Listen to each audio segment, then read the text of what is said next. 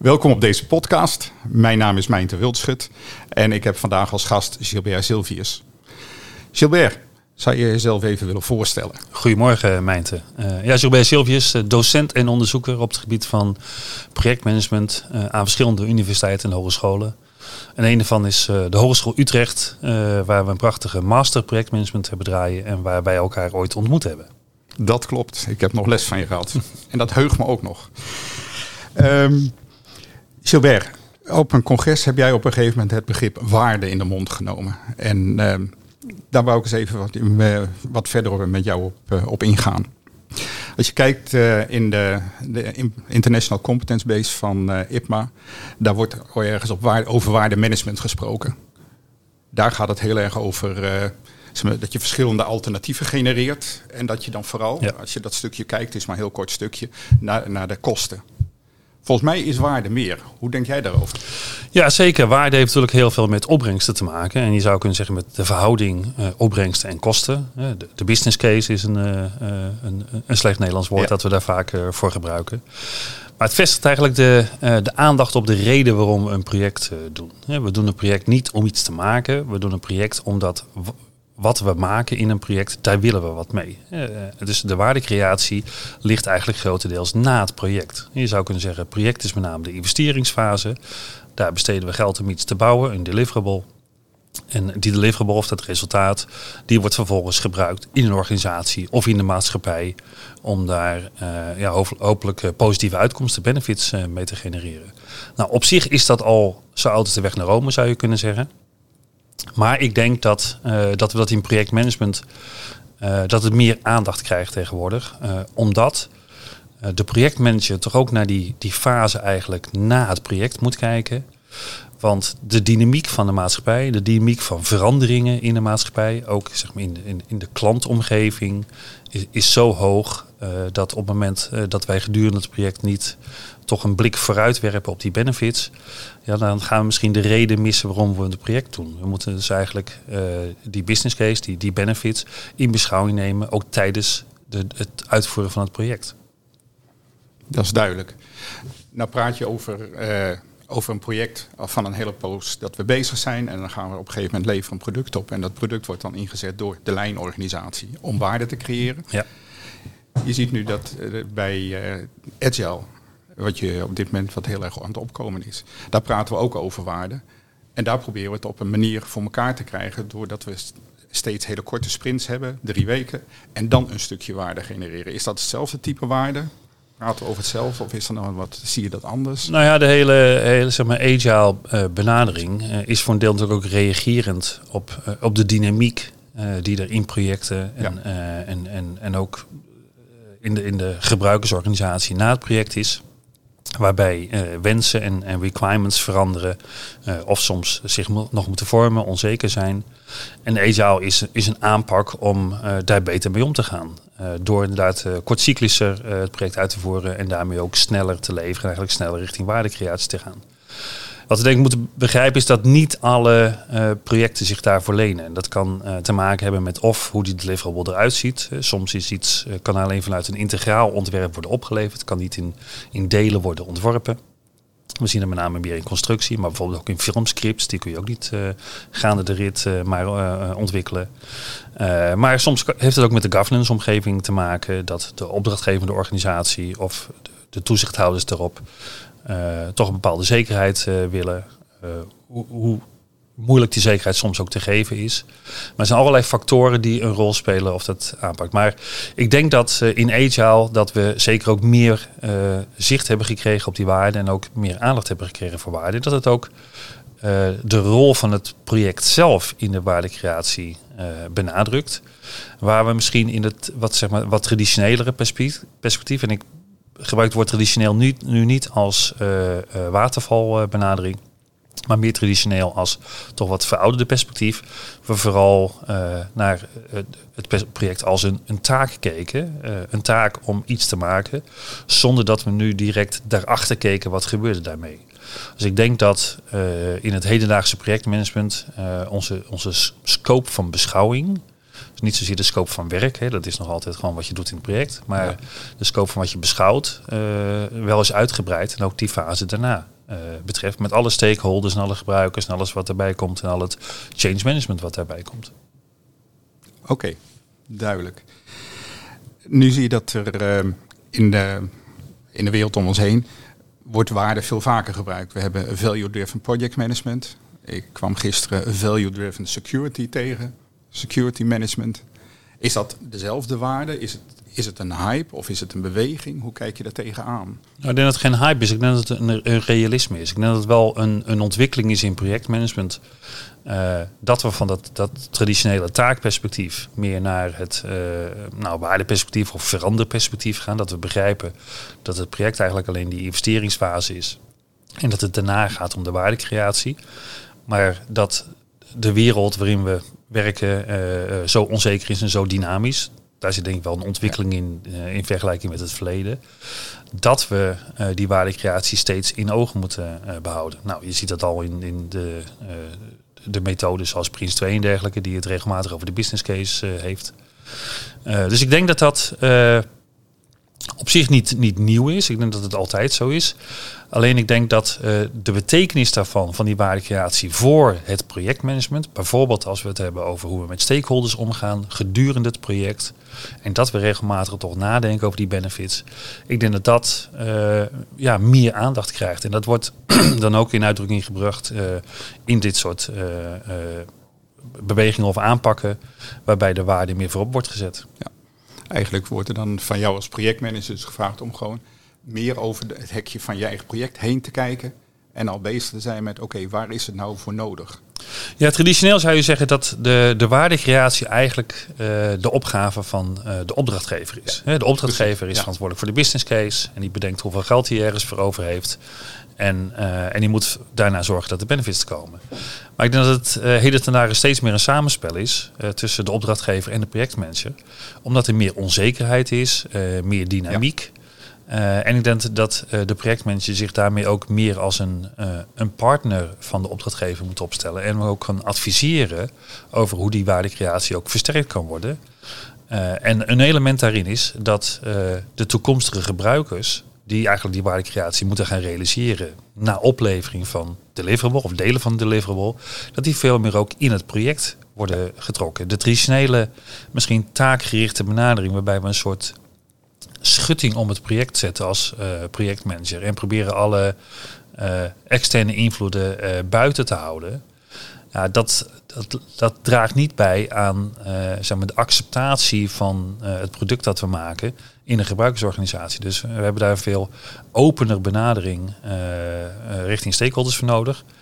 En ik denk dat we ook, en dat zit ook wel weer bij de opdrachtgever voor een deel, maar ook bij andere stakeholders, we moeten ook een beetje weg uh, van die, die traditionele ijzeren driehoek uh, als maatstaf voor succes. op het moment dat we uh, beseffen dat we projecten doen voor waardecreatie, dan mag succes ook veel meer oog hebben voor de benefits. Dus we hebben een, leveren iets op dat fit for use is, benefits genereert. Wat is daarvoor nodig om die benefits goed in beeld te krijgen? Nou, benefits management is nog een ander verhaal, hè, maar in ieder geval ja. daar wat zicht op te krijgen. En die binnenvets dan ook uh, te realiseren.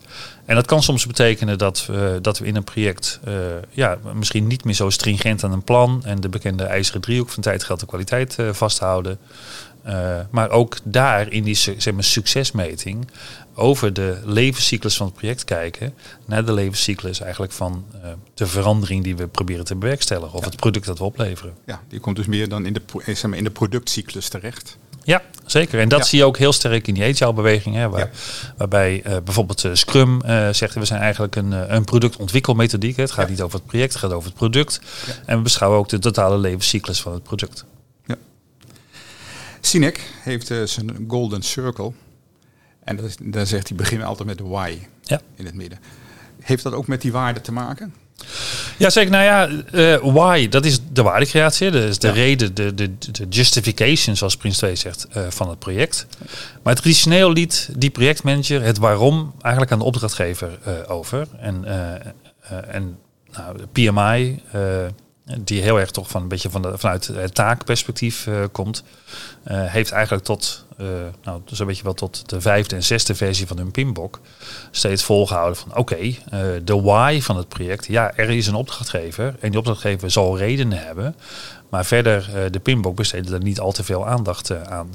Nou, je ziet dat, dat dat nu ook veranderd is in de, latere, de laatste versie van de pinbok. Uh, dat de why uh, steeds meer centraal komt staan in projecten. Uh, en ook meer in die, toch die rol van de projectmanager. Hè? Want traditioneel lieten we eigenlijk die why een beetje weg van de projectmanager. Dat was die opdrachtgever.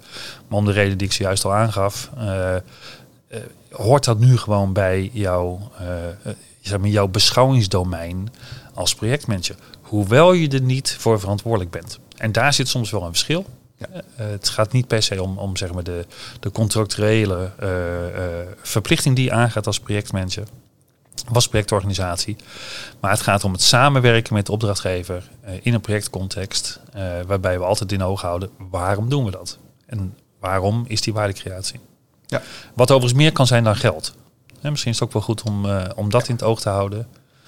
ik doe ook veel onderzoek naar duurzaamheid in projectmanagement. Dat is jou wel bekend. Ja.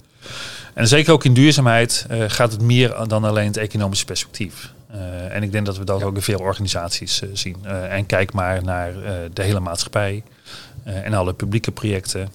geld staat er niet, is, is daar niet de enige factor in waarmee we rekening houden.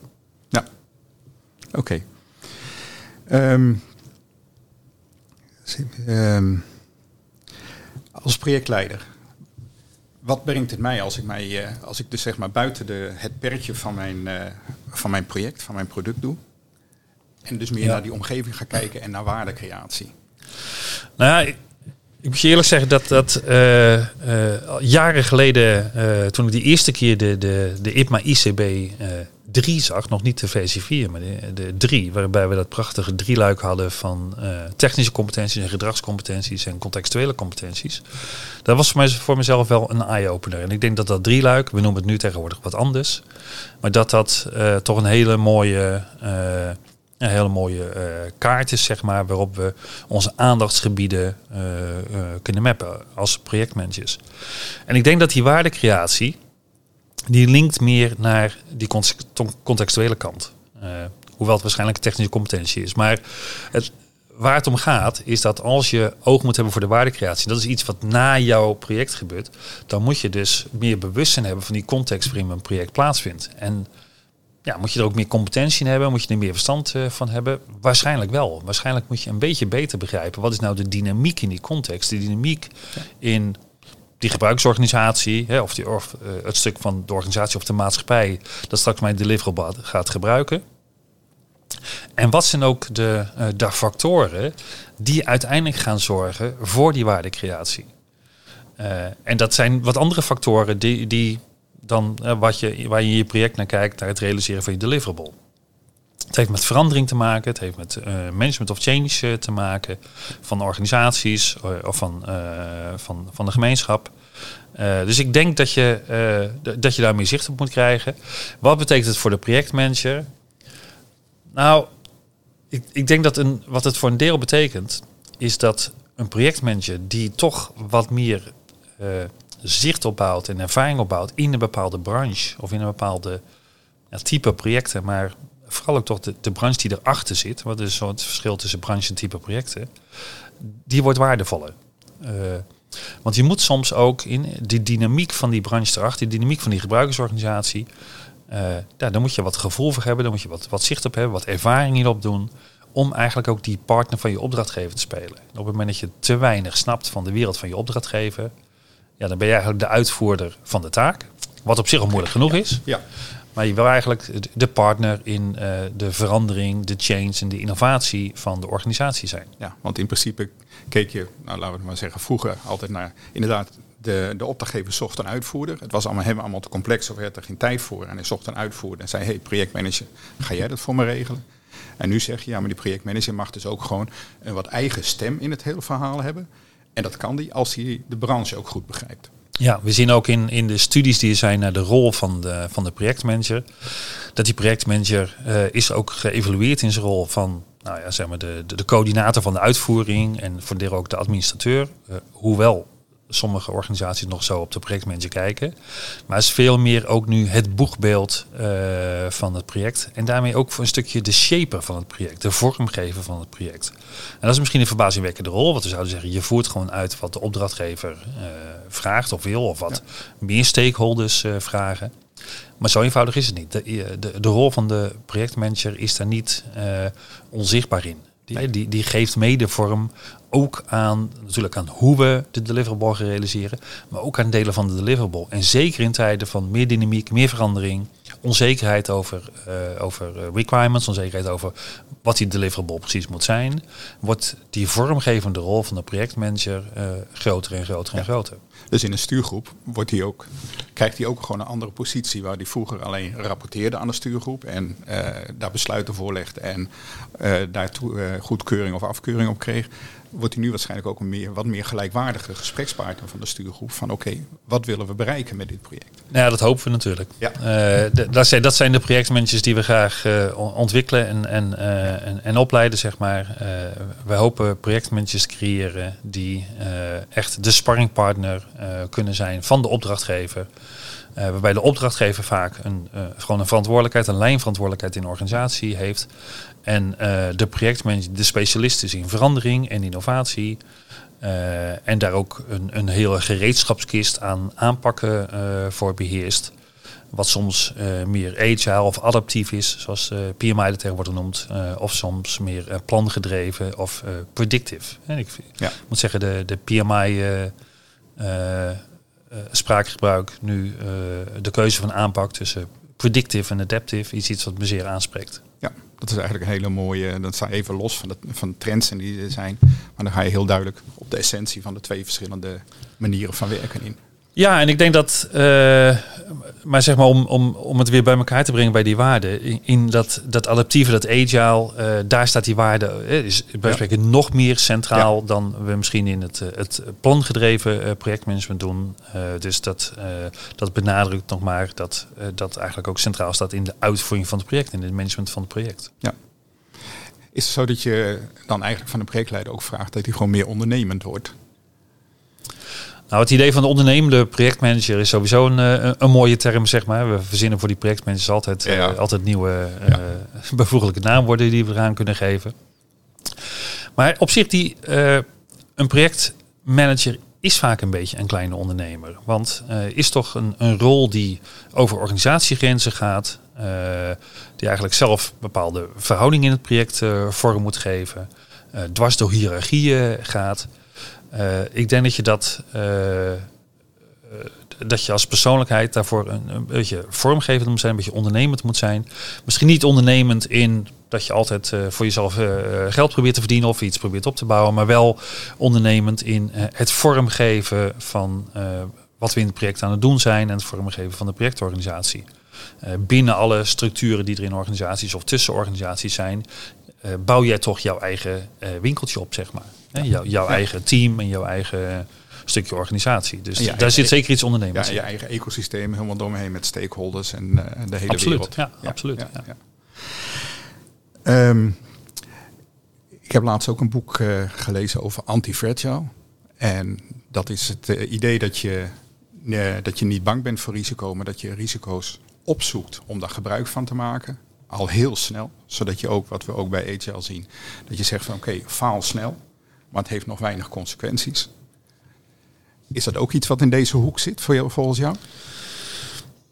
Nou, dat, kijk, generiek, ik denk dat een van de bewegingen achter meer aandacht voor waardecreatie is uh, dat we beseffen dat er meer dynamieke onzekerheid uh, is. Uh, okay, ja. Dat heeft ook met houdt ook verband met elkaar. Dynamiek geeft ook onzekerheid. Dus dat is de, de beweging erachter. Uh, onzekerheid, uh, ja, hoe je daarmee omgaat. Nou, traditioneel kennen we gewoon wel het risicomanagement, hè, wat, wat daarmee verband houdt. Maar op het moment dat onzekerheid uh, groter wordt, moet je daar waarschijnlijk anders mee omgaan. Bijvoorbeeld door in kleinere stappen, en dan kom je weer richting agile, ja. je project aan te gaan. Uh, ik denk dat we in uh, het omgaan met, met een toenemende onzekerheid, uh, dat we nog veel te leren hebben, veel verschillende aanpakken, met name verschillende aanpakken. denk aan scenarioontwikkeling of, of, of, dat, of dat soort aanpakken. die inderdaad onzekerheid en verandering ja, absorberen.